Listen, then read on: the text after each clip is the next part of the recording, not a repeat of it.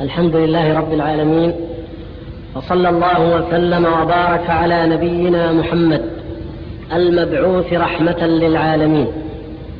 أما بعد أيها الإخوة الكرام فالسلام عليكم ورحمة الله وبركاته. ونسأل الله تبارك وتعالى بادئ ببدء أن يوفقنا وإياكم للعلم النافع والعمل الصالح وأن يجعل أوقاتنا معمورة بطاعته. وأن يكتب لنا أجر مثل هذه الساعات التي نحتسبها عند الله تبارك وتعالى ويجعلها في موازين أعمالنا يوم نلقاه ونحن أحوج ما نكون إلى حسنة تضاف أو إلى سيئة تمحى. إنه على كل شيء قدير. وبعد فكما سمعتم من الأخ المقدم أثابه الله موضوعنا الليلة استكمال لما في الندوة الماضية وموضوع السفر إلى بلاد المشركين أو إلى البيئات التي تنتشر فيها البدع والرذيلة وإن كانت بلاد إسلام في الأصل. هذا الموضوع ما هو إلا حلقة من حلقات التأثير الكثيرة أي التأثير على الأسرة المسلمة وعلى البيئة المسلمة لكي تتحلل من عقيدتها ودينها وأخلاقها وعاداتها الحميدة وتصبح تبعا للبيئات التي التي حكم الله سبحانه وتعالى عليها بالكفر والذل والخزي في الدنيا والآخرة. والمسلمون كما تعلمون وكما هو واضح لمن يقرأ كتاب الله وسنة رسوله صلى الله عليه وسلم هذه أمة التوحيد أمة مجتباه أمة مصطفاه أمة أهلت لتكون من أهل الجنة بإذن الله. ولا يستوي أصحاب النار وأصحاب الجنة ولا يستوي أهل التوحيد وأهل الإشراك ولا يستوي أهل الطاعة وأهل المعصية ولا يستوي أهل السنة وأهل البدعة. ومن هنا كان من علامة ومن أوضح الدلائل على أن الإنسان قد أسلم وجهه لله عز وجل وآمن بكتاب الله هاديا وبمحمد صلى الله عليه وسلم نبيا أن يفارق المشركين من جهتين. أولا مفارقة قلبية فيفارق قلبه عقائدهم وأديانهم. وتفارق جوارحه أعمالهم وعباداتهم وكل ما هو من شعائر دينهم. والمفارقة الأخرى هي المفارقة الجسدية فلا يختلط بهم ولا يعيش معهم ولا يندمج في بيئتهم. ولهذا يقول النبي صلى الله عليه وسلم أنا بريء من مسلم أقام بين ظهراني المشركين. قيل كيف ذلك يا رسول الله؟ قال لا تراءى ناراهما. أي إذا كان كما تعلمون أن البيئة العربية التي بعث فيها النبي صلى الله عليه وسلم هي في الأغلب بيئة بادية. والعرب ينزلون في الأودية وهذا يوقد نارا والآخر نارا على مسافة ما. فيقول النبي صلى الله عليه وسلم لا تراءى ناراهما أو لا تتراءى ناراهما. يعني لا يرى المسلم نار المشرك ولا يرى المشرك نار المسلم. فيبتعد عنه ابتعادا شديدا ويغيب عنه في شعب الجبال حتى لا يرى كل منهما نار الآخر ومن من أجل ذلك أيضا شرعت الهجرة. الهجرة كما تعلمون من بلد الكفر إلى بلد الإسلام. وكما كان المهاجرون الأولون يهاجرون إلى المدينة. وكان الذي يرجع عن الهجرة في أول الإسلام يعتبر مرتدا أو في حكم المرتد أي الذي يرجع من الإقامة في بلد الإسلام فيعود إلى بلد الشرك وينتقل إليه.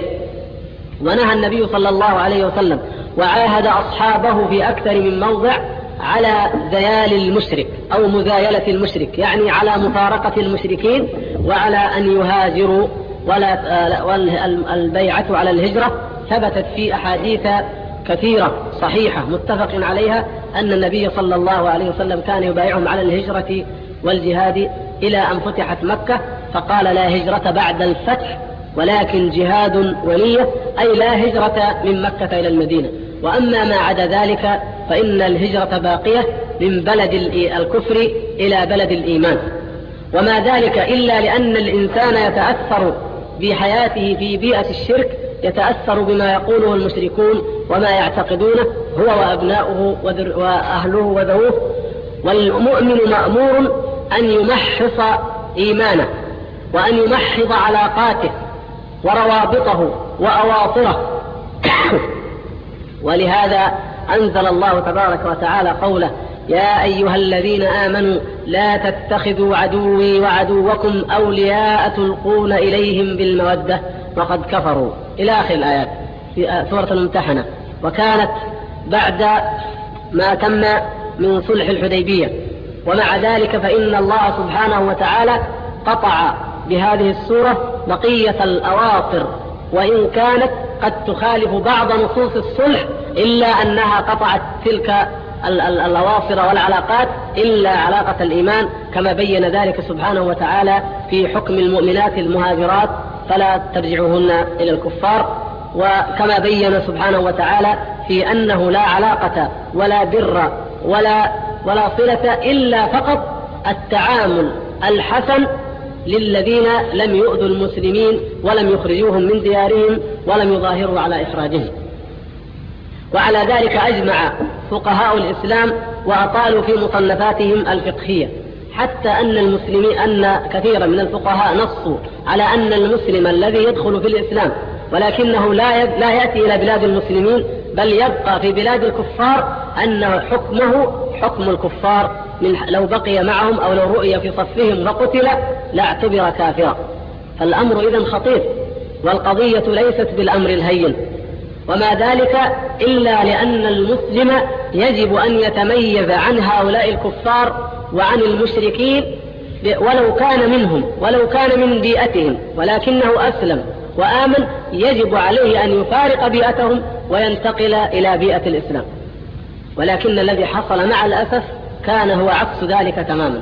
أي أن المسلمين وهم في بيئة الإسلام وفي بلد الإيمان والتوحيد هم يختارون طوعا ورضا أن يذهبوا إلى بلاد الكفار وأن يقيموا فيها وأن يعيشوا فيها لغير ضرورة ولغير ما حاجة. وهذا بلا شك أحد العلامات التي تدل على ضعف الإيمان أو على فقدانه. نسأل الله السلامة والعافية.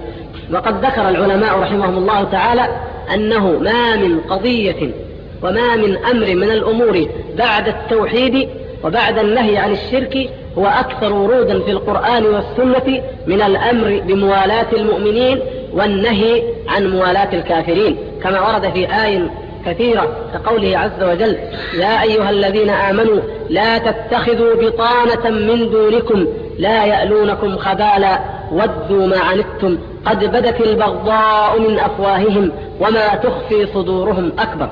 وكقوله تعالى لتجدن أشد الناس عداوة للذين آمنوا اليهود والذين أشركوا.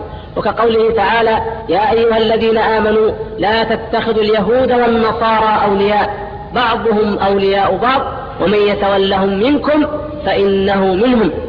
ويقول جل شأنه إن الكافرين كانوا لكم عدوا مبينا. ويقول لا يرقبون في مؤمن إلا ولا ذمة. آيات كثيرة وأحاديث كثيرة وعاها المسلمون الأولون وعاها المجاهدون الذين كانوا مع رسول الله صلى الله عليه وسلم ومن بعده فكانوا لا يرون ولا يستحلون أن يقيموا في بلاد الكفار ولا أن يذهبوا إليهم إلا لضرورة أو حاجة ملحة. وكما تعلمون إنما يذهبون إما يذهبون للدعوة إلى الله ويعودون أو يذهبون رسلا من المسلمين إلى تلك البلاد أو يذهبون للتجارة ولها أيضا ضوابط محددة. لا بد أن يلتزم بها المسلم كما يلتزم أولئك الكفار إذا قدموا إلى ثغور الإسلام بالتجارة. كل ذلك لأن البيئة لها تأثيرها. ولأن المؤمن لا يكون مؤمنا حقا إلا إذا قطع صلته بالمشركين وهجرهم وترك موالاتهم واختلاطه بهم وعيشته في بيئتهم مما يدفعه إلى أن يواليهم وإلى أن يحبهم وقد يمنعه ويحول بينه بينه وبين إظهار دينه. فيرضى بالذل, بالذل مع أنه مسلم فتكون النتيجة أن الإسلام قد ذل أو أذل بذل ذلك المؤمن الذي يقيم في بلاد الشرك ولا يستطيع أن يجاهر بتكفيرهم ويجاهر بما هم عليه من الضلال ويجاهر بدعوتهم إلى التوحيد وإلى الحق.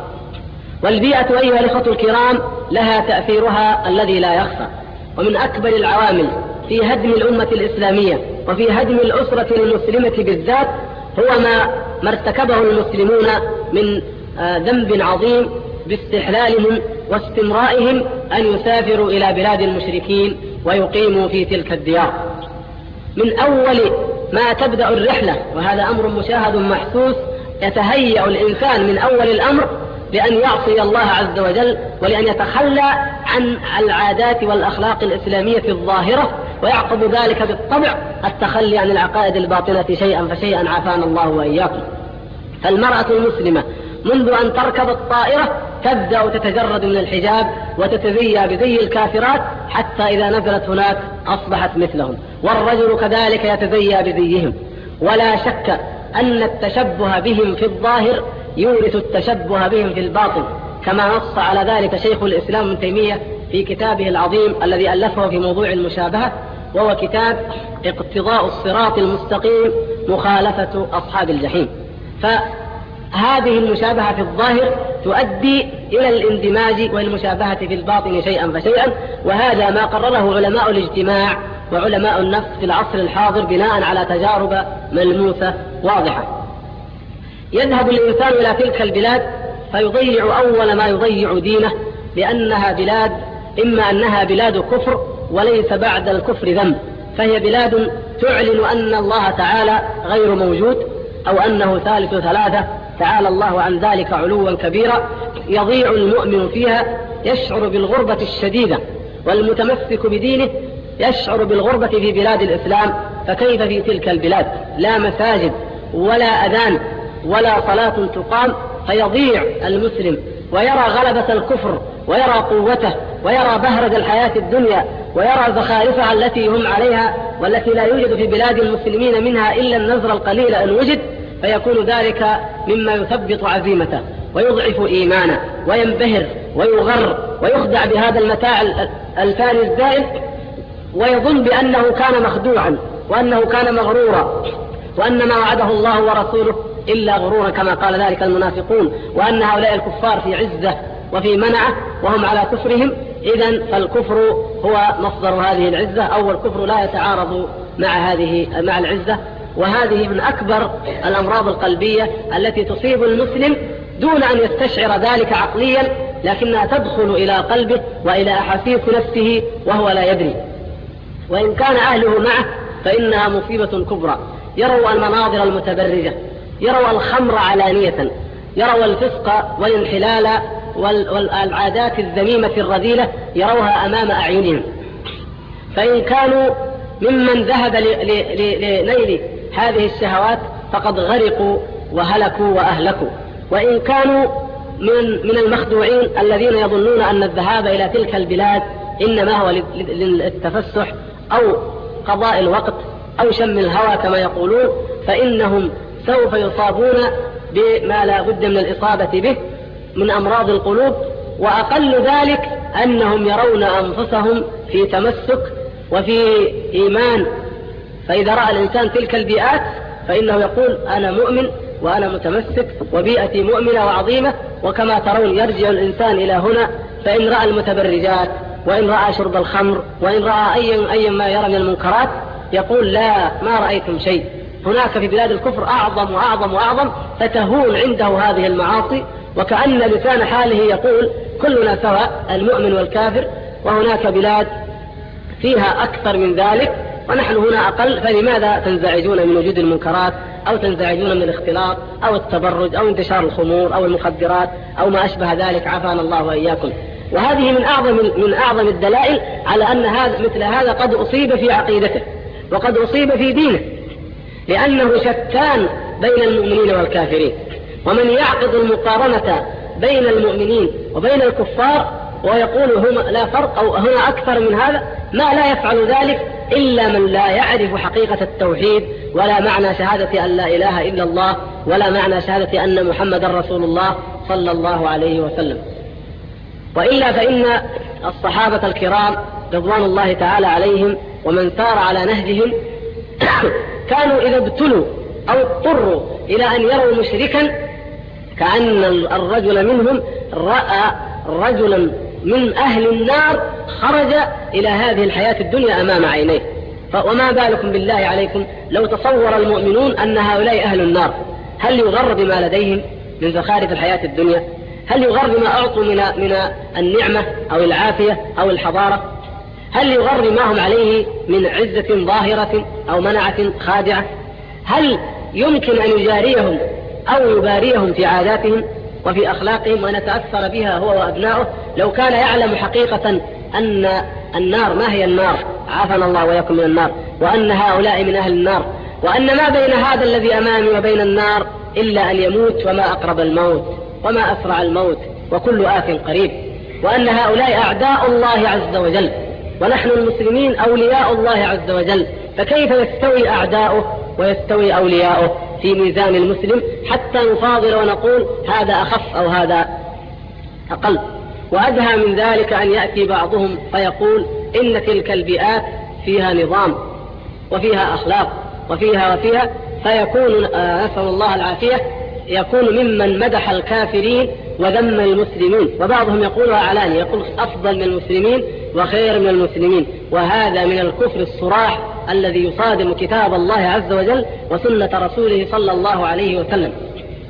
والحمد لله أن بعضا منهم يذهب ولكنه يعود وهو في في منعة وفي حصانة يذهب مخدوعا فيعود بعقل سديد.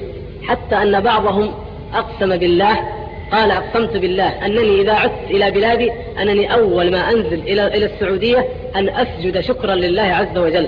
وفعلا نزل من سلم الطائرة في مطار جدة وسجد لله عز وجل فرحة أنه رجع من تلك البلاد. وقال والله ما ذهبت إليها إلا على أنها بلاد حضارة ورقي وتقدم فلما رأيت ما رأيت أقسمت على نفسي أن ونذرت أن أفعل هذا وألا أعود إليها. فإذا كان هذا ضمير ضمير استيقظ فكم من ضمائر ماتت وكم من قلوب قد أصابها المرض فقتلها وقست فهي كالحجارة وأشد قسوة.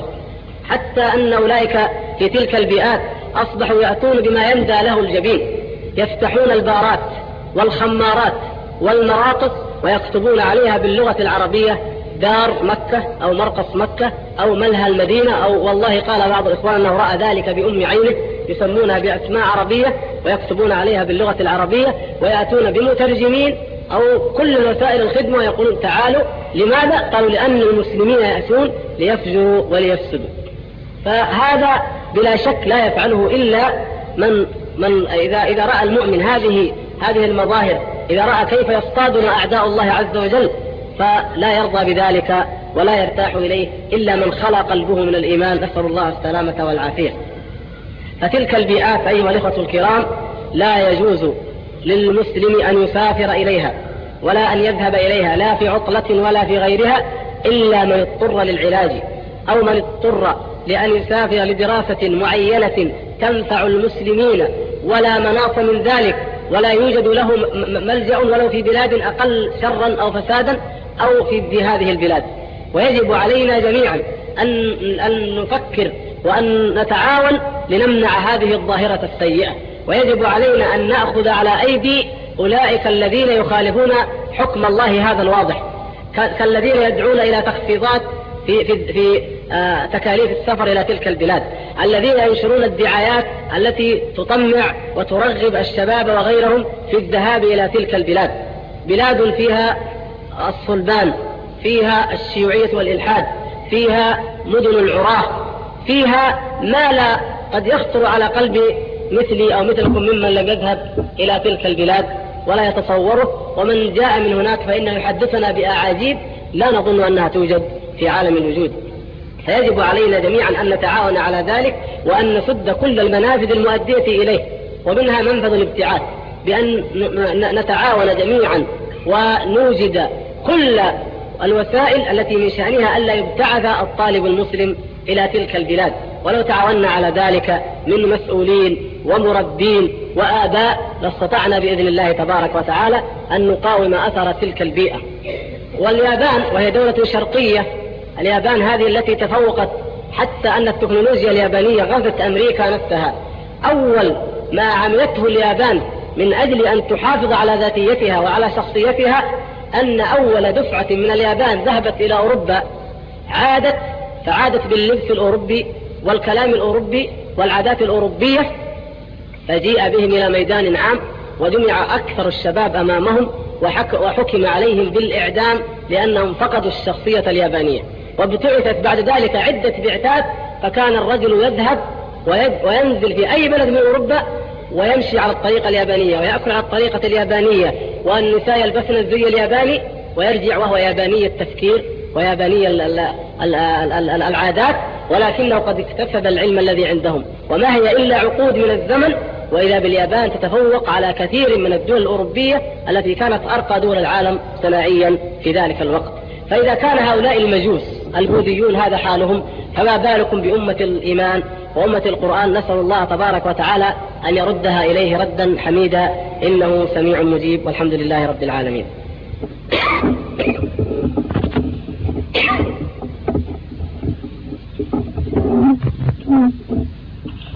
ليس السفر إلى البيئات الموبوءة هو السبب الوحيد في تأثر البيئة المسلمة والأسرة المسلمة بالفساد المنبعث من هذه البيئات.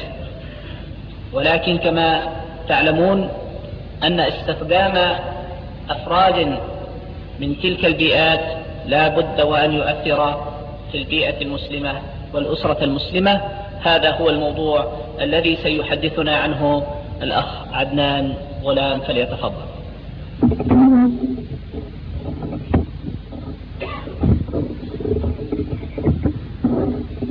بسم الله الرحمن الرحيم.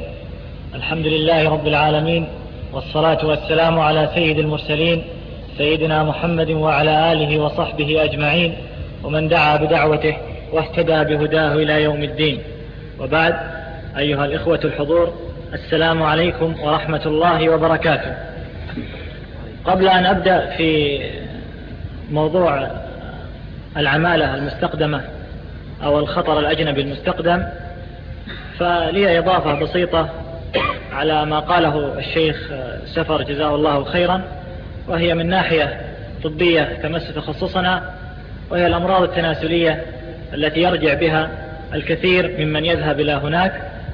وهذه للأسف نراها وهي شائعة وحتى بدأت النشرات وبدأت الدراسات عنها وهناك كما سمعتم مرض أخبر عنه في الرياض وذكر بأنه سمي بمرض بانكوك وهو يصيب هؤلاء أكثر هؤلاء كانوا ممن ذهب إلى تايلاند عاصمتها بانكوك ورجع بهذه الأمراض نسأل الله العافية ولا تخفى عليكم أمراض كالزهري والسيلان والآن مرض فقدان نقص المناعة المكتسب هذا الذي عرف بالإيدز الذي أخاف البلاد والعباد هذه كلها موجودة في بلادهم والذاهب إلى هناك ولا يحجم نفسه ولا يعصمه الله سبحانه وتعالى يغوص في هذه الشهوات والملذات فيرجع وينثر هذا في مجتمعنا.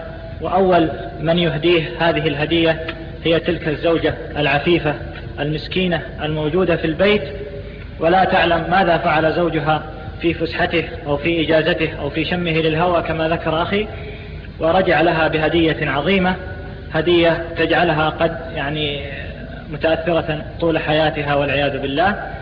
والذي يشك في كلامي أو يعتقد أن كلامي غير صحيح فليزر زيارة واحدة لعيادة أمراض الجلدية والتناسلية ولينظر عدد الحالات في اليوم الواحد.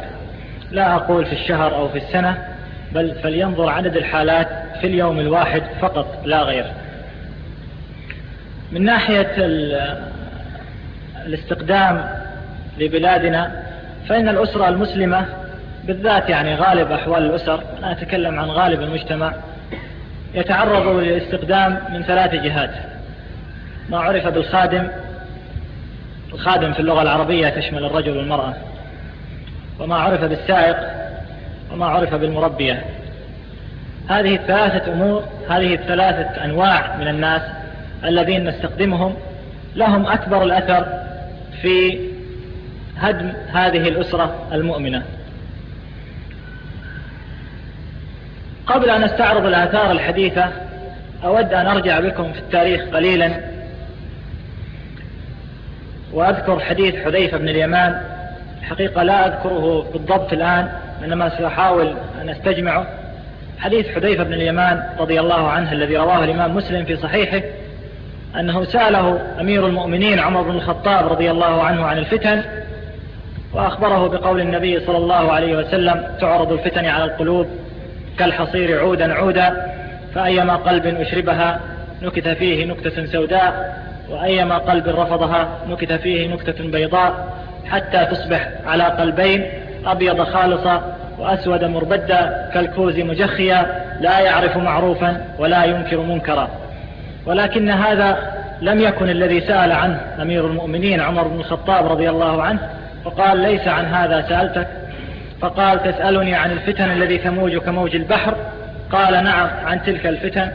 فقال حذيفة بن اليمان رضي الله عنه ما لك ولها إن بينك وبينها بابا مغلقا ويوشك الباب أن يكسر. فقال عمر بن الخطاب رضي الله عنه أو يفتح الباب أو يكسر؟ قال لا بل يكسر. فقال عمر وددت أنه لو فتح فكان يعني قد يغلق في المستقبل أما أن يكسر فلا أمل في غلقه. ثم قام عمر رضي الله عنه وخاض الناس في هذا. من هذا الباب الذي يقف في وجه الفتن؟ والذي يحمي هذه الأمة المحمدية أمة محمد صلى الله عليه وسلم بعد نبيها وتكاثرت الأقوال فلم يجدوا بدا من أن يسألوا صاحب الحديث أمين السر حذيفة بن اليمان رضي الله عنه فقالوا ومن هذا الباب يا حذيفة؟ فقال عمر وإنه يعرف, يعرف نفسه أو يعرف أنه هو هذا الباب كما يعرف أن دون الليلة البارحة. أجل أيها الإخوة الباب الذي يسد هذه الفتن كلها عن أمة محمد صلى الله عليه وسلم هو أمير المؤمنين أبو حفص رضي الله عنه عمر بن الخطاب الخليفة الراشد الثاني الذي أمرنا أن نهتدي بهديه ونقتدي به رضي الله عنه وأرضاه. من الذي قتل أمير المؤمنين عمر بن الخطاب؟ من الذي فتح هذا الباب للفتن؟ أليس أبا لؤلؤة المجوسي؟ ومن كان أبو لؤلؤ المجوسي؟ خادم مستقدم.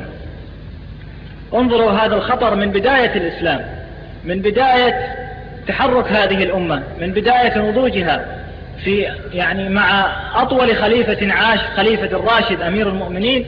تعرفوا كيف كان عهده على مدى عشر سنوات وأنه هذا الباب الذي يسد الفتن؟ لم يكسر هذا الباب إلا عمالة أجنبية مستقدمة. وقتل على يد أبي لؤلؤة المجوسي فرحمة الله عليه ورضي عنه. أما في عصرنا الحاضر فأتكلم عن بعض آثار وأذكر في النقطة الأولى أذكر أولا والعياذ بالله الفاحشة. والفاحشة والمقصود بها الزنا يعني تصيب الزوج والزوجة وقد الأبناء أيضا. الأمثلة على هذا كثيرة. ما حكم الخلوة بالمرأة الأجنبية أولا؟ ألم يقل النبي صلى الله عليه وسلم ما خلى رجل بامرأة أو ما اجتمع رجل بامرأة إلا كان الشيطان ثالثهما؟ الرجل بطبيعته وبفطرته التي فطره الله عليها يميل إلى المرأة والمرأة تميل إلى الرجل. ما حكم ركوب السيارة منفردا رجل وامرأة؟ أليس خلوة؟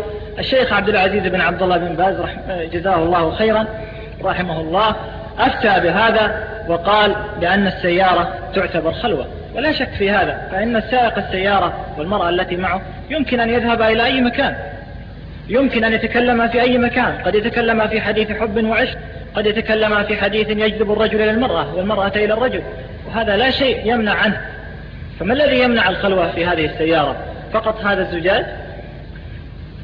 آه، ذكر آه، ذكرت قصة الحقيقة هنا في جدة في مركز شرطة جدة أنه قدم إليها آه، رجل وامرأة رجل فلبيني وأمرأة أندونيسية وأتت بهم العائلة التي استخدمتهم أحدهم سائق والأخرى خادمة. آه، رب العائلة يقول يتهم هذه المرأة بأنها زنت مع هذا السائق وأنها حامل الآن من الزنا.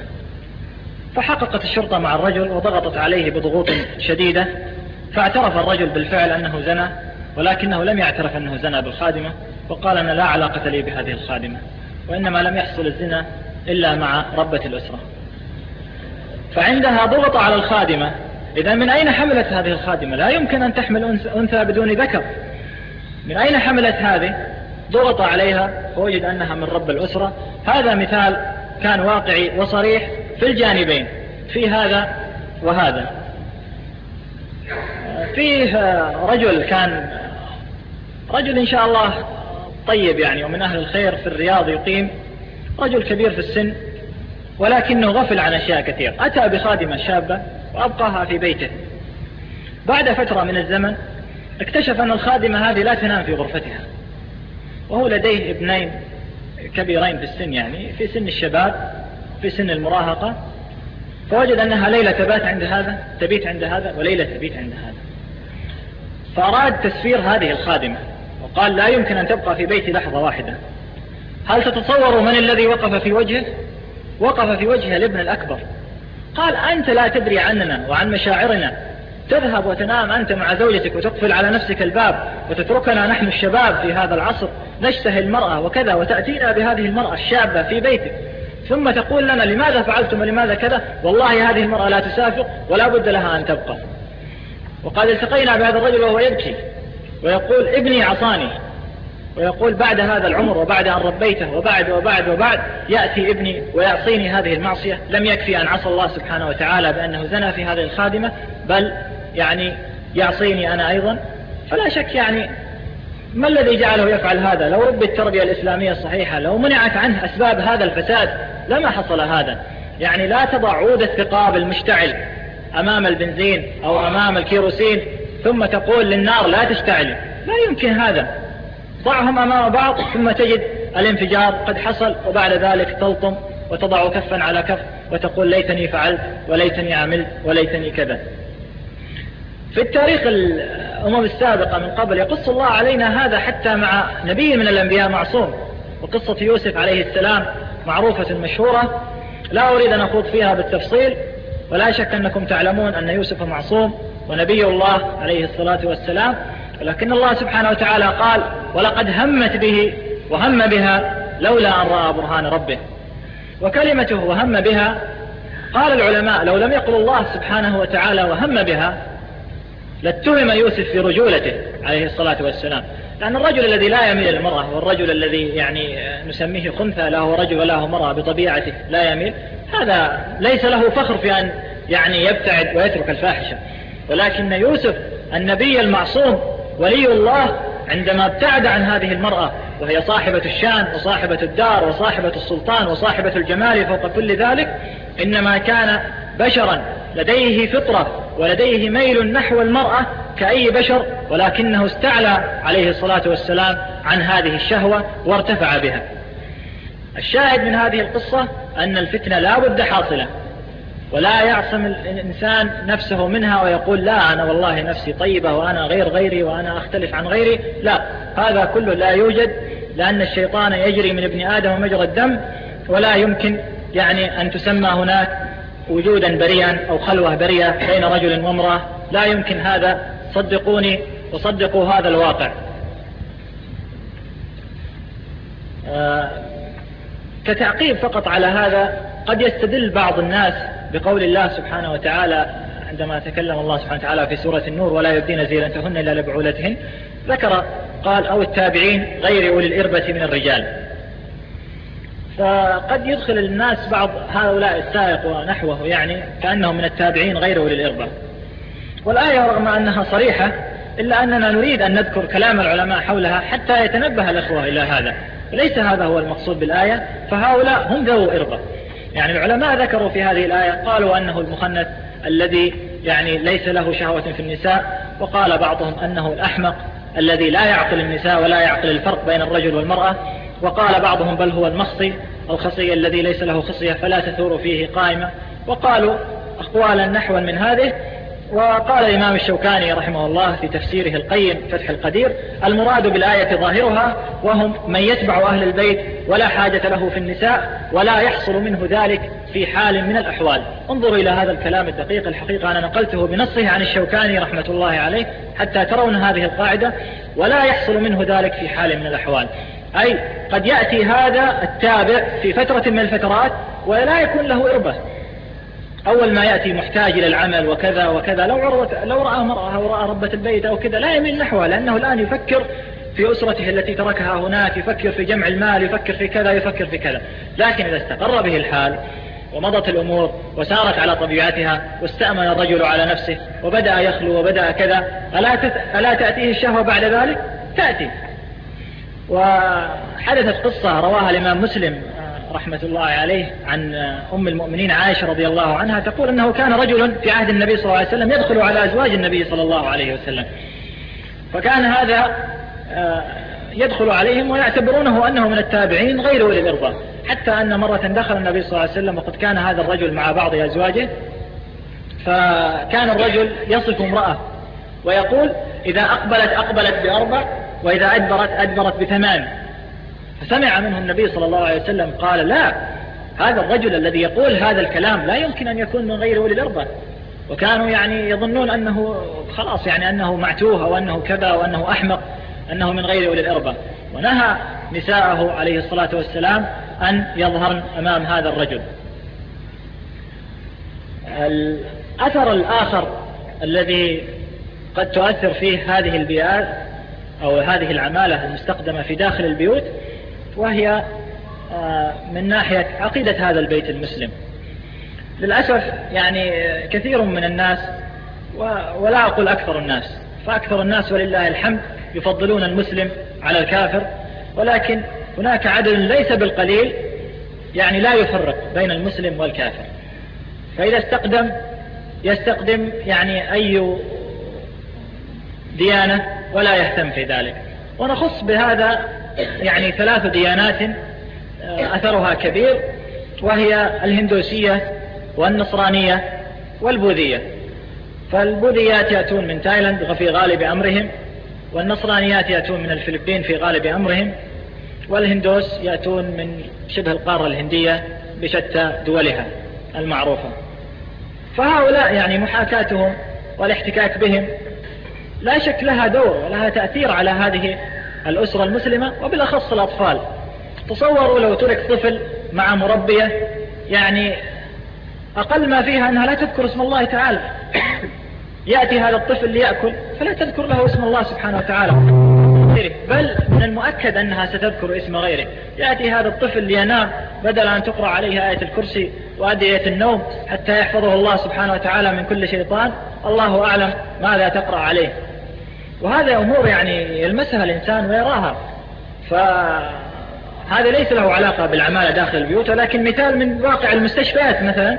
هناك ممرضات قد يتكلم نصارى يتكلمن مع بعض المرضى في كلام ولا يدرون المرضى بهذا في كلام من الإنجيل ويأتون لهم بنصوص من الإنجيل والمرضى لا لا يدرون فيحدثونهم عن الأخوة ويحدثونهم بكلام قاله المسيح ويذكرون لهم هذا نصوص الإنجيل ونحن كذا وأننا كذا وأننا كذا. وهذا المسلم المسكين لا يعلم بهذا.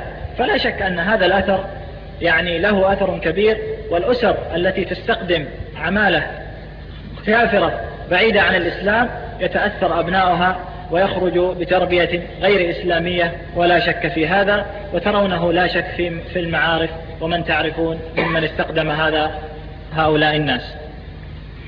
أما من ناحية الأخلاق والسلوك فأيضا حدث ولا حرج. مسلمهم وكافرهم. المسلم الله أعلم بحاله يأتيك من بلاد يعني كثير من المسلمين أو المسلمات يأتون ولا يصلون. وهذه ملاحظة بل لا يعرف كيف يتوضأ ولا يعرف كيف يصلي. ويأتي في هذا البيت ويقول أنا مسلم وأنا كذا. فتصور يعني ما حال هؤلاء الأطفال وما حال هذه هذا البيت الذي فيه هؤلاء الكفرة. يرى التبرج يعني المرأة هذه المستخدمة تتبرج ولا ما عندها في ذلك شيء. ما, ما الذي يمنعها أن تتبرج؟ سواء كانت مسلمة أو كافرة. ما الذي يمنعها أن تتبرج؟ هي بعيدة عن أهلها وبعيدة عن ذويها بل هي في بلدها قد تكون على هذا الغرار وتريد أن تسير في هذا البلد وتضع من العطور ما يشم من على بعد عشرة أمتار أو أكثر. وهذه زوجته وتلك خادمته. فبالله عليكم أي أسرة هذه التي يعني نطمح في أن يخرج أبنائها مجددين ومصلحين ويبنون هذا المجتمع ويبنون هذه الأمة ويعيدون لهذه الأمة قيادتها ورئاستها في هذه الدنيا. آه، هناك أثر آخر وهو قضية السرقات والجرائم. يعني أقل ما فيها يعني أي بيت من البيوت لو سألتم فيه خادمة أو فيه سائق يقول يعني فقد خاتم. آه، ولا يدرون أين ذهب. فقدت إسوره ولا يدرى أين ذهبت كان والله موضوع مئة ريال على الرف هنا ولا هنا ولا خمسين ريال ولا إلا هي. ولا يدرى أين ذهبت. أو قطع أخرى. هذا يعني على مستوى صغير يعني هذا أقل ما فيها يعني. أي بيت فيه كذا وقد يتهمون الخادمة في بعض الأحيان وقد لا يتهموها وقد يفتشونها ولا يجدون عندها شيئا إلا أن القصص هذه حاصلة. لكن أتكلم عن أكثر من ذلك وهو أن بين هؤلاء المستقدمين صلات وتعارف ويكونون خلايا أشبه بالعصابات وأصبحت يعني قضية اقتحام الشقق واقتحام الفلل في غياب أهلها يعني ظاهرة ليست نادرة ويشتكى منها كثيرا. ولا أخفيكم أن يعني أحد أقاربي بل اثنين من أقاربي تعرض لهذا كانوا في سفر في ليلة من الليالي فأتوا ووجدوا البيت مغلق مفتوح ومكسور ومنهوب كل ما فيه. ومرة أخرى مع قريب آخر لي يعني كانوا في داخل البيت ولم يكن هناك إلا النساء فالحمد لله الذي سلمهم. ودخل هذا الرجل كان يبدو أنه سريلانكي دخل قفز من البلكونة هذه التي تسمى الشرفة تسمى البلكونة عند الناس. قفز منها كان البيت في الدور الأرضي ليس الأول ليس الأرضي الأول. استطاع أن يدخل منها ويقفز وخنق إحدى النساء في البيت ولكن الله سبحانه وتعالى أوقع في قلبه الخوف واجتمع عليه النساء فهرب من البيت لكنه أرعب من في البيت طبعا رعبا كثيرا لا يخفى عليكم هذا.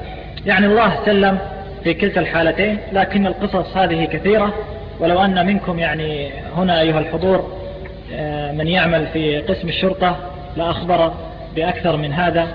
ولا يعني آه، أمضى بقية ليله في ذكر أمثال هذه القصص. هناك أثر آخر من آثار المستقدمين على الأسرة وهي اللغة العربية. يا إخوة لماذا نكلمهم باللغة المكسرة؟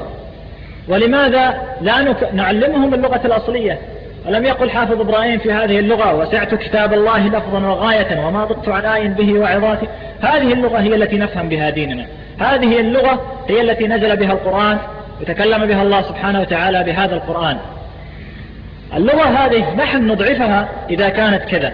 تجد الواحد فينا يتكلم مع أخيه كلاما بالعامية حقيقة أنه بالعامية ولكنه ليس مكسرا وفيه من الركاكة مثل ما يتكلم مع خادم أو خادمة. فيجعل الرجل امرأة والمرأة رجل فيقول للرجل أنت روحي أنت افعلي أنت كذا وللمرأة العكس مقابل أن تفهم هذه الخادمة. طيب ولماذا تفهم الخادمة بهذه الطريقة؟ لماذا لا تفهم بالطريقة الصحيحة؟ الذي يجعلها تفهم بهذا المكسر يجعلها تفهم بالصحيح. يعني لا أرى هناك تعارض. وبالرغم من ذلك هذه ظاهرة شائعة ليس فقط مع الخادمات أو السائقين بل يعني مع كثير من العمالة المستخدمة من عمال ومزارعين وغيرهم ستجد الإنسان يحاول أن يركك في لغته مقابل أن يفهم هذا الذي أمامه ولا يحاول أن يرتفع بلغة هذا الذي أمامه لكي يكون قريبا من اللغة العربية الفصحى لغة القرآن. آه، قضية أخرى وهي أخيرة أذكرها هنا وهي الأمراض التي يحملونها. هناك كشف طبي يا أخوة على هؤلاء المستخدمين. بعض الناس يعني هداهم الله لا يقدر عظم هذا الأمر. يعني المرأة هذه التي تأتي وتطبخ لك في بيتك أو شيء لو كانت حاملة لمرض معدي أو كانت تحمل شيئا من الأوبئة الخبيثة ممكن أن تنقلها إلى سائر الأسرة وهذه الأسرة تنقلها إلى غيرها. كل هذا يمكن أن يحدث ولكن يعني لماذا لا تتجنب هذا بالكشف الطبي؟ يحصل الكشف الطبي ولكن هناك من يحصل عليه مثلا من عن طريق مستشفى خاص أو كذا يدفع قيمة الكشف ولا يوقع الكشف هذا على الخادمة يقول لك اختصارا للوقت واختصارا لغير ذلك وقد تكون هذه تحمل من الأشياء لأن بيئتهم يعني بيئة فقر وبيئة يعني آه، النواحي الصحية عندهم هابطة فلا شك في هذه البيئة تتوافر كثير من الأوبئة وأنتم ترون في الحج يعني ما يأتي وينتشر في بلادنا عن طريق هؤلاء الحجاج القادمين. فهؤلاء من أين أتوا؟ من تلك البيئات سواء من الهند أو من الباكستان أو من سريلانكا أو من الفلبين أو من تايلاند كلها دول تحمل الشيء الكثير من الأمراض المعدية وهو أثر قد يتأثر به الأطفال أكثر ما يتأثر به لأنهم في مناعتهم أقل من الكبار والله سبحانه وتعالى أعلم حقيقة الأخ عدنان جزاه الله خير أثار موضوعا لم يكن بالحسبان ولم نرتب لهذا الموضوع بذكره قصة عمر رضي الله عنه وأثر العمالة المستخدمة في تقرير مصير الأمة. فالأمة الإسلامية أمة مستهدفة من قديم الزمان. منذ أن أرسل الله رسوله صلى الله عليه وسلم بهذا الدين. فلعل الشيخ سفر جزاه الله خيرا يلقي الأضواء على هذه النقطة ويعطينا بعض القضايا التي تمس العقيدة والأخلاق المؤثرة في تقرير مصير هذه الأمة.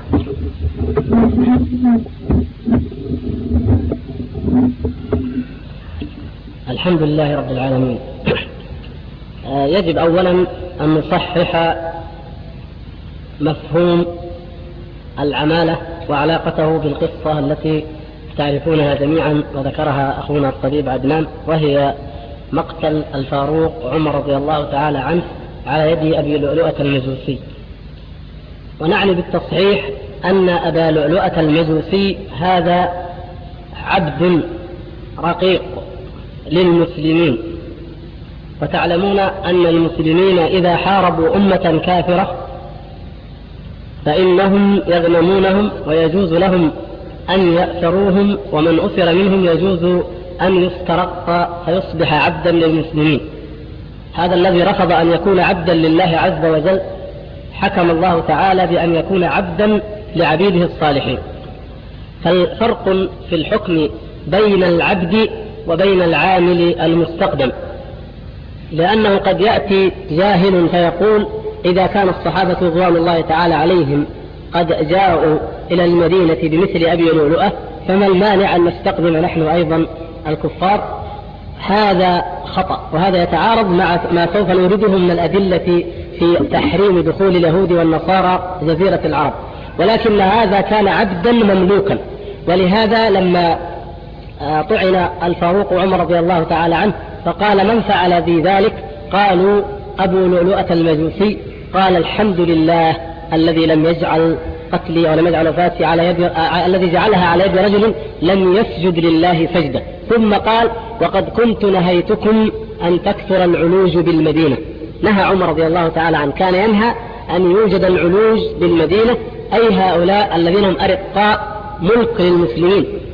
فالمسلم إذا ملك عن طريق الجهاد وهو الوسيلة الشرعية للتملك إذا ملك رقبة من رقاب الكفار فإنه يستخدمها كما يستخدم الدابة. ومن هنا يجوز له أن يأتي بها ولو إلى جزيرة العرب باستثناء مكة. أما إذا كان هذا الرجل حرا وإنما جيء به فقط لأداء عمل من أعمال الدنيا فهذا هو الذي ينطبق عليه ما قاله النبي صلى الله عليه وسلم حين قال لا يجتمع في جزيرة العرب دينان وقال صلى الله عليه وسلم لأخرجن اليهود من جزيرة العرب لأخرجن اليهود والنصارى من جزيرة العرب حتى لا أدع فيها إلا مسلما فهو صلى الله عليه وسلم قد بين ذلك وكان هذا من مما قاله صلى الله عليه وسلم في آخر حياته فهو حكم ناسخ لما قبله.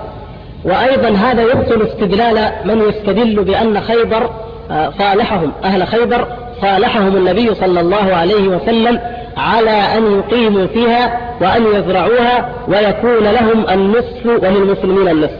فإن أهل خيبر آه، كانوا أيضا أرقاء لأنهم استسلموا في الحرب فكانوا أرقاء من النوع الذي يسمى برقيق الأرض أي عبيد الأرض فصولحوا على أن يكونوا عبيدا في أرض المسلمين يزرعونها ويكون للمسلمين النصف لهم النصف.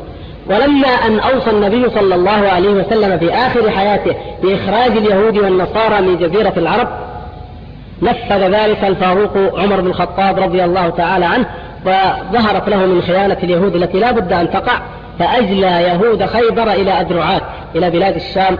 وفرقهم في البلاد وطهر جزيرة العرب من رجس هؤلاء الكفار. وبقي هذا أمرا مألوفا لا لا يخرمه ولا يخرقه أي خارق. أي أن جزيرة العرب بلد للمسلمين فقط لا يساكنهم ولا يعاشرهم فيها أحد. بقي هذا أربعة عشر قرنا إلى أن جاء الاستعمار الحديث ودخل الإنجليز والبرتغاليون وأمثالهم أطراف الجزيرة وقبل ذلك لم يكن أي كافر يأتي إليها إلا متخفيا. بل إن بعض الرحالة الأوروبيين الذين جاءوا لاكتشاف جزيرة العرب كما يسمونها اكتشاف بالنسبة لهم نحن بلادنا نعرفها. ومع الأسف بعض الناس يسميها أيضا اكتشاف جزيرة العرب. هؤلاء الرحالون قتلوا كثير منهم قتل في جزيرة العرب على يد الأهالي لأنهم رأوا أن هذا كافر نصراني أو يهودي ولا يجوز أن يدخل إلى جزيرة العرب. وبلا شك أن هذا هو موافق لما جاء به النبي صلى الله عليه وسلم. وسبق أن تعرضنا لقضية التجارة وحكمها. نعم آه، التجارة قد نحتاج إلى أن نتاجر مع الكفار وأن يأتوا إلى ثغور المسلمين أو موانئهم وأطراف بلادهم. وقد يحتاج أن يدخلوا ببعض تجاراتهم إلى بلاد المسلمين. ومن أجل ذلك فإن الفاروق عمر بن الخطاب رضي الله تعالى عنه كما روى ذلك آه، أبو عبيد في كتاب الأموال جعل لأهل للروم ولمن آه، تاجر من أهل الكتاب جعل لهم ثلاثة أيام يأتون بتجارتهم بما يلزم المسلمين وضروري لهم يأتون إلى ظاهر المدينة لا يدخلون المدينة وإنما إلى ظاهرها إلى بعيد منها فيأتي إليهم المسلمون فيشترون منهم البضائع لمدة ثلاثة أيام ثم يعودون.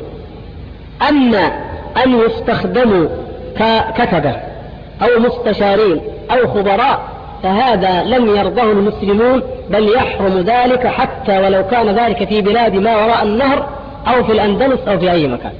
وقد بلغ الفاروق الفاروق عمر عمر رضي الله تعالى عنه أن أبا موسى الأشعري استخدم كاتبا نصرانيا فكتب إليه يعاتبه أشد العتاب ويقول كيف تأمنوهم وقد خونهم الله وتكرمونهم وقد أهانهم الله عز وجل؟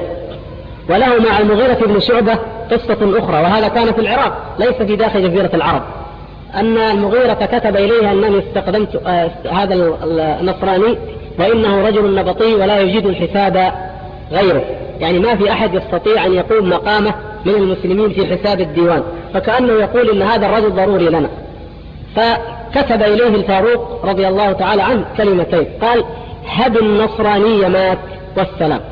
افترض أن النصراني مات. تموت دواوين المسلمين؟ نقعد بدون حساب ولا ندبر أنفسنا؟ لابد ندبر أنفسنا. إذا افترض أنه مات عشان يقطع الجدال والنقاش في هذا الموضوع. وهذا كما في العراق أيضا في الكوفة كان هذا. أما في جزيرة العرب فلا يجوز أن يجتمع فيها دينان بأية حال من الأحوال. ومن هنا نعلم لماذا علماؤنا جزاهم الله خيرا. الشيخ عبد العزيز بن باز والشيخ عبد الله بن حميد وأمثالهم في فتاواهم المسجلة والمقروءة يذكروننا دائما بهذا الحكم ويقولون لا يجوز للمسلم أن يستخدم الكفار إلى جزيرة العرب. وقبل ذلك قد تقولون وما هي جزيرة العرب؟ جزيرة العرب تشمل من أطراف العراق والشام شمالا إلى بحر العرب جنوبا ومن الخليج وبحر عمان خليج البصرة الذي اختلفوا فيه هل هو فارسي ولا عربي؟ العرب المسلمين كانوا يسمون خليج البصرة أو بحر البصرة. الخليج من الخليج شرقا إلى البحر الأحمر غربا. فيدخل في ذلك بطبيعة الحال الكويت والأمارات والجنوب آه، اليمن الجنوبية وعمان كل ذلك من جزيرة العرب التي لا يجوز أن يدخلها الكفار. فضلا عن الحجاز فهذا متفق لم يخالف في ذلك أحد. كل من تكلم في حدود جزيرة العرب لم يختلفوا في أن الحجاز من جزيرة العرب وأنه أولى الأماكن بأن لا يدخلها يهودي ولا نصراني حتى أن بعض العلماء جعلوها على نوعين مغلظ ومحرم.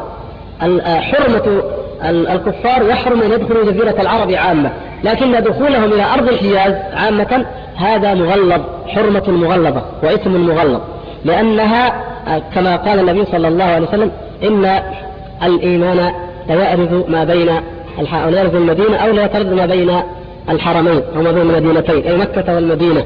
فيجب أن تظل بلد إسلام وأن تحمى من هؤلاء الذين يسبون الله عز وجل أعظم السب. هؤلاء الكفار يسبون الله عز وجل أعظم السب. والإنسان منا لا يرضى لو أحد سب أبا أحدنا. إنسان يسب أباك كل يوم لا ترضى أن تعاشره ولا أن تخالطه. فكيف بالكافر الذي يسب الله عز وجل؟ النصارى يسبون الله عز وجل كل حين بدعوى حينما يقولون إن له ابنا سبحانه وتعالى عما يقولون علوا كبيرا. هذا سب لله عز وجل. والبوذيون يقولون إن بوذا هو إلههم وبعضهم يقول إن بوذا هو ابن الله وفي هذا سب لله عز وجل. وكلهم أعداء الله وكلهم لا يجوز أن يوالوا ولا أن يدخلوا إلى جزيرة العرب. ولا بد أن إدخالهم إليها وإلى غيرها من بلاد المسلمين يؤدي إلى فساد عريض. وكل أمر أيها الإخوة يجب أن نضع هذه القاعدة في أذهاننا ولا ننساها.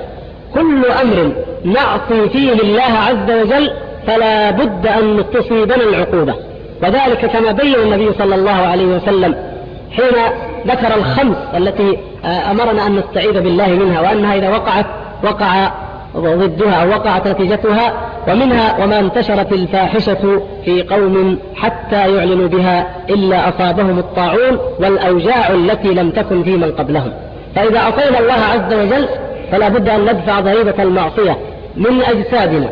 ومن سعادتنا ومن أمننا في الدنيا وكذلك عقوبة الآخرة والعذاب الآخرة أشد وأبقى. عافانا الله وإياكم من ذلك. كما تفضل به الدكتور عدنان من هذه الأمراض والمشاكل إنما هي نتيجة لمعصيتنا لنبينا صلى الله عليه وسلم. فكانت هذه كل هذه عقوبة المعصية. ومن أعرض عن ذكري فإن له معيشة ضنكا. ونحشره يوم القيامة أعمى. ولا بد من هذا. هؤلاء الناس إذا دخلوا إلى بلاد المسلمين عامة فضلا عن هذه الجزيرة فإنهم يبنون الكنائس. وهذا أمر معروف. وقد بنوا الكنائس في أطراف جزيرة العرب. ولو سمح لهم أن يبنوها في أقرب بقعة إلى مكة لفعلوا. ولكنهم لا يسمح لهم ولن يسمح لهم بإذن الله عز وجل. لكن في البلاد التي تهاونت في الموضوع قد بنوا الكنائس الضخمة ومن ذهب منكم إلى تلك الديار فلا بد وأنه قد رآها. يبنون المعابد البوذية وقد بنيت معابد بوذية حتى في أطراف جزيرة العرب أيضا على دين البوذية ليتعبد فيها البوذيون. ينشرون أديانهم الباطلة يحاولون أن يدعوا الناس إلى دينهم النصراني إلى نصرانيته والبوذي إلى بوذيته. وما انتشار مذهب البهائية إلا من أوضح الأدلة على ذلك. وما من بلد يسمح لهم أن يقوموا فيه ويأخذوا حريتهم إلا ينشئ النوادي الماسونية.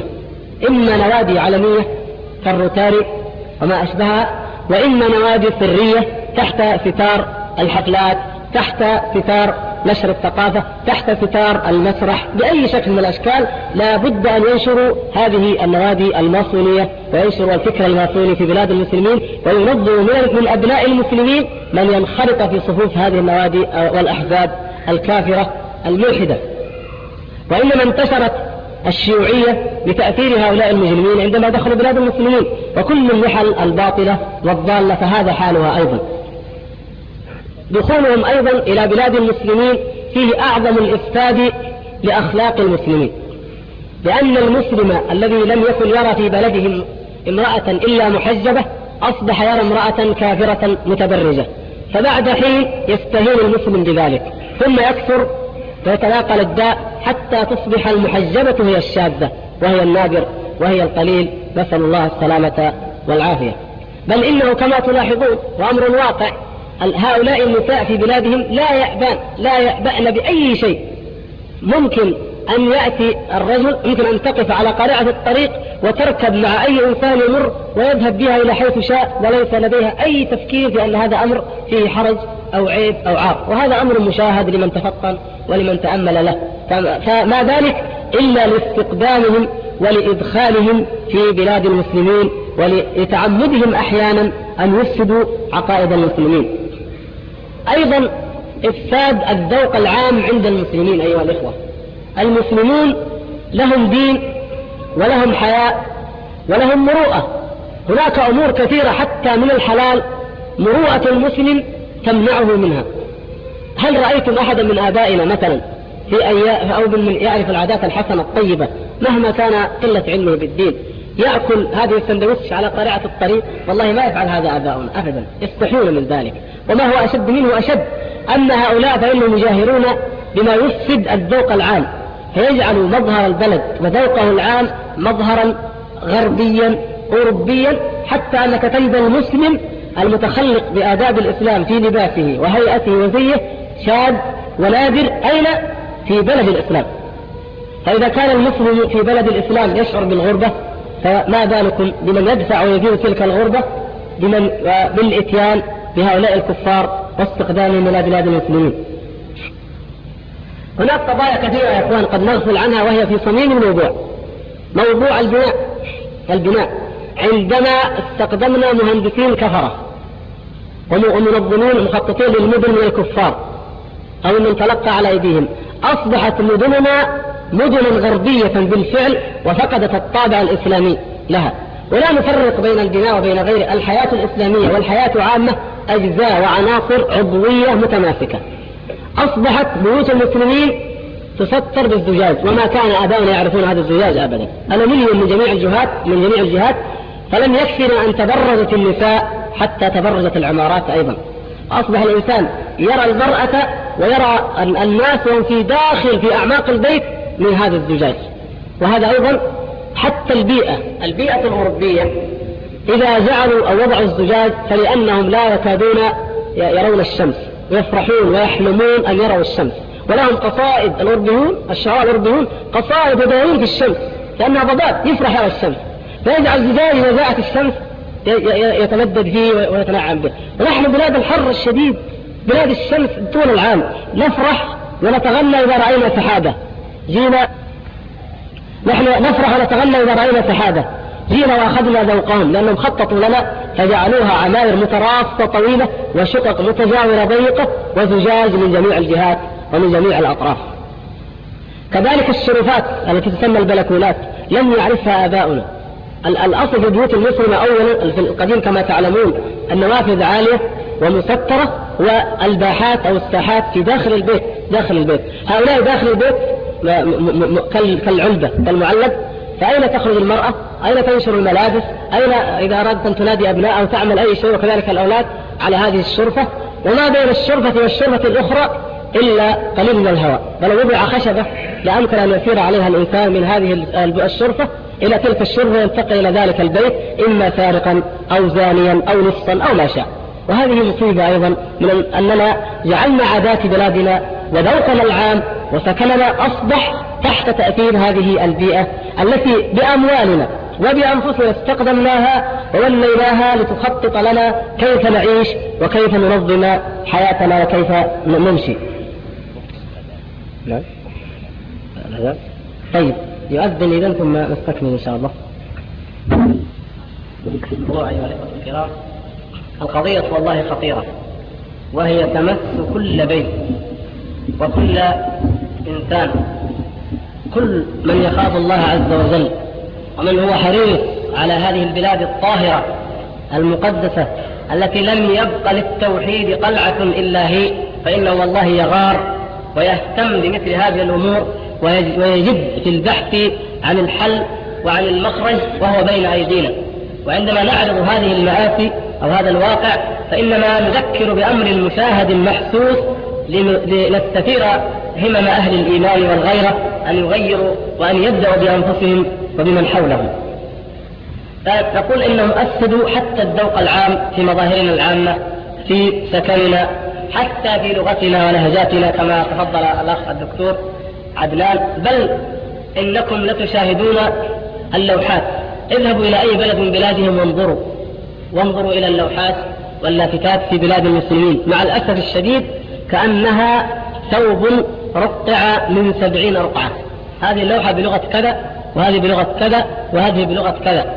وأصبح الإنسان لو فتح محلا صغيرا محلا صغيرا جدا لا يأتيه ولا يشتري منه إلا طبقة من العمال الذين لا يقرؤون أي لغة لكتبه بالعربي وبالإنجليزي وربما بلغة أخرى. ولأن آه، عبوديتهم ليست في المظهر والمخرج ولكنها في الباطن. وفي المخبر أصبحنا متأثرين به من هذا الحد. وأدهى من ذلك أننا نستعير أسماء فجارهم وكلهم فجار لنضعها عناوين ولافتات في بلاد الإسلام. فمن أعجبه أعجبته مطربة مغنية ممثلة عاهرة داعرة جعل اسمها عنوانا لمحله أو لشركته أو لمطعمه أو مخبزه أو ما أشبه ذلك. المطربون الممثلون لاعبو الكرة كل ما ما يأتي من صراعات الغرب. المصارعون أصحاب الرياضات المختلفة. كل ذلك يأتي فنجعل من بلادنا معرضا للدعاية لمشاهير الكفر ومشاهير الفجار من شتى الأصناف ومن جميع البلاد.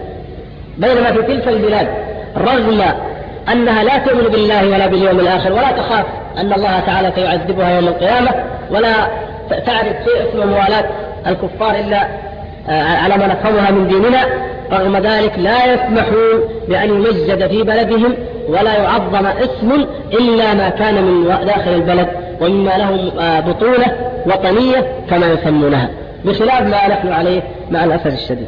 وإننا يا أخوان ونحن قد تكلمنا وأشرنا ما هي إلا إشارات إلى ما يتعلق بالأسرة وإلى ما يهدد الأسرة من هذا الغزو الفكري الرهيب. ومن هذه من هذا الخطر الزاحف الداهم سواء خطر ذهاب المسلمين إلى بلاد الكفار أو خطر استقدام الكفار إلى بلاد المسلمين على كلا الحالين إننا يجب علينا أن نذكر وأن نعيد النظر وأن نعيد التدبر في أنفسنا وفي مجتمعاتنا بما يتعلق بهذا الشباب المسكين. يا إخوان شبابنا لو صح أن يقال إن كل أن أحدا يعصي الله عز وجل وهو مظلوم لقلنا إن شبابنا مظلوم. مظلوم نعم. هذا الشباب مهما فجر ومهما فعل لو نظرنا بالمقياس الشرعي الصحيح لوجدنا أن حالنا معه كما قال الشاعر ألقاه في اليم مكتوفا وقال له إياك إياك أن تبتل بالماء. ما نجلس مجلس إلا ويشتكى من الشباب. الشباب فسد. الشباب أدمن المخدرات. الشباب فعل وفعل. الشباب هذا كيف كيف يصلح؟ كيف, كيف شكوى. ولكن هل نحن هل واقعنا وحياتنا العامة هل تدفع هذا الشباب إلى الخير؟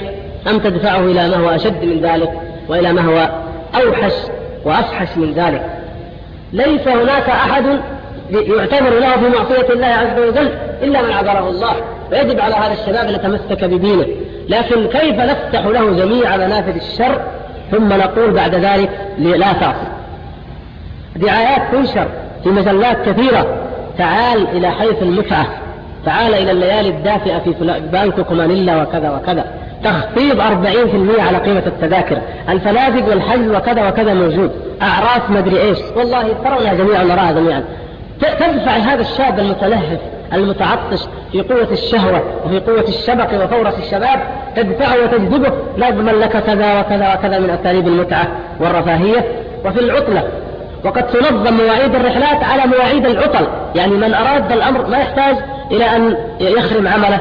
الأمر منظم ومرتب على مواعيد العطل الأسبوعية أو السنوية ثم تبدأ تلك الجموع تذهب إلى هناك. فإذا جلس الإنسان هنا وبلغه خبر أن جثة زميلة فلان قد جاءت من مانيلا كما حصل قبل فترات وتعلمون ذلك. قال هذا فاسد وهذا مجرم وقلنا نتشكى سبحان الله. نعم مجرم. لكن هل نحن مبرؤون هل نحن غير مؤاخذين أمام الله عز وجل؟ وإلا نحن قد دفعناه إلى الجريمة وهيأناها له وفتحنا له أبوابها. وكذلك ما يقع داخل البيوت من الشجار من الخصام من من من عقوق الأبناء. قل أن تجد أبا أو مدرسا أو مربيا إلا ويشكو من عقوق هذا الشباب ويشكو أنه شاب شباب متمرد غير مبالي آه، لا يهتم بشيء لا يبالي بخير ولا شر. طيب على أي شيء ربيناهم نحن؟ إذا كان يرى في, في, في الأب الذي تربى على الدين وعلى الأصالة وعلى الخلق يرى فيه التهاون في أعظم أمر وهو أمر الغيرة وأمر العرض فيدع المرأة والبنت تذهب مع السائق فكيف تلوم الابن لو ارتكب ما هو أكبر من ذلك ولو عصى الله تعالى فيك؟ تعصي الله عز وجل فيه وفي الأسرة جميعا بهذه الخادم وهذا السائق وتريد أن لا يعصي الله تعالى فيك بالعقوق؟ لا يمكن هذا أبدا لا يمكن. فهؤلاء الشباب أيها الإخوة الكرام لا ندافع عنهم ولكن نقول إننا مسؤولون مثلهم أو أكثر وإنهم قد يكونون مظلومين في كثير من الأحيان لأنهم لم يعرفوا الحق ولم يعرفوا الخير وإنما وجدوا أن أنهم يساقون سوقا إلى الفاحشة وإلى الفساد وإلى الإجرام فانساقوا مع هذا التيار الجارف ولذلك وهذه الحمد لله من مسائل الخير تجدون الشباب الذي يهتدي ويرجع إلى الإسلام وهذا الذي يسمى شباب الصحوة الإسلامية الجديدة الذين بدأوا الحمد لله في كل مسجد وفي كل حي وفي كل مدرسة.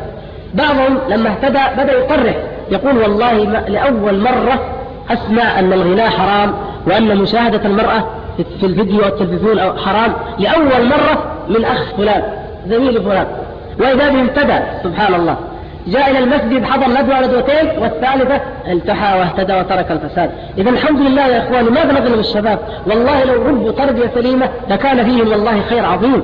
لكن ما وجهناهم إذا كانوا يهتدون بأشياء عارضة عادية قليلة فكيف لو كان التوجيه العام كله على ما أمر الله وعلى ما أمر رسول الله صلى الله عليه وسلم وحجب وحرم ونزع من أيدي الذين يريدون أن نتبع الشهوات ويريدون أن تشيع الفاحشة في الذين آمنوا. فنسأل الله سبحانه وتعالى أن يردنا إليه ردا حميدا. وأن يبصرنا في ديننا وأن يفقهنا فيه حتى نعلم مقدار ما شرفنا الله تعالى به من التوحيد ومقدار ما أذل الله تعالى به أعداءنا من الشرك فلا نواليهم ولا نحبهم ولا نسافر إلى بلادهم ولا نستقدمهم إلى بلادنا ولا نعاملهم بأية معاملة إلا وفق ما شرع الله في حالة الاضطرار التي آباها الله تبارك وتعالى نسأل الله سبحانه وتعالى لنا ولكم ذلك وما هو خير منه والحمد لله رب العالمين.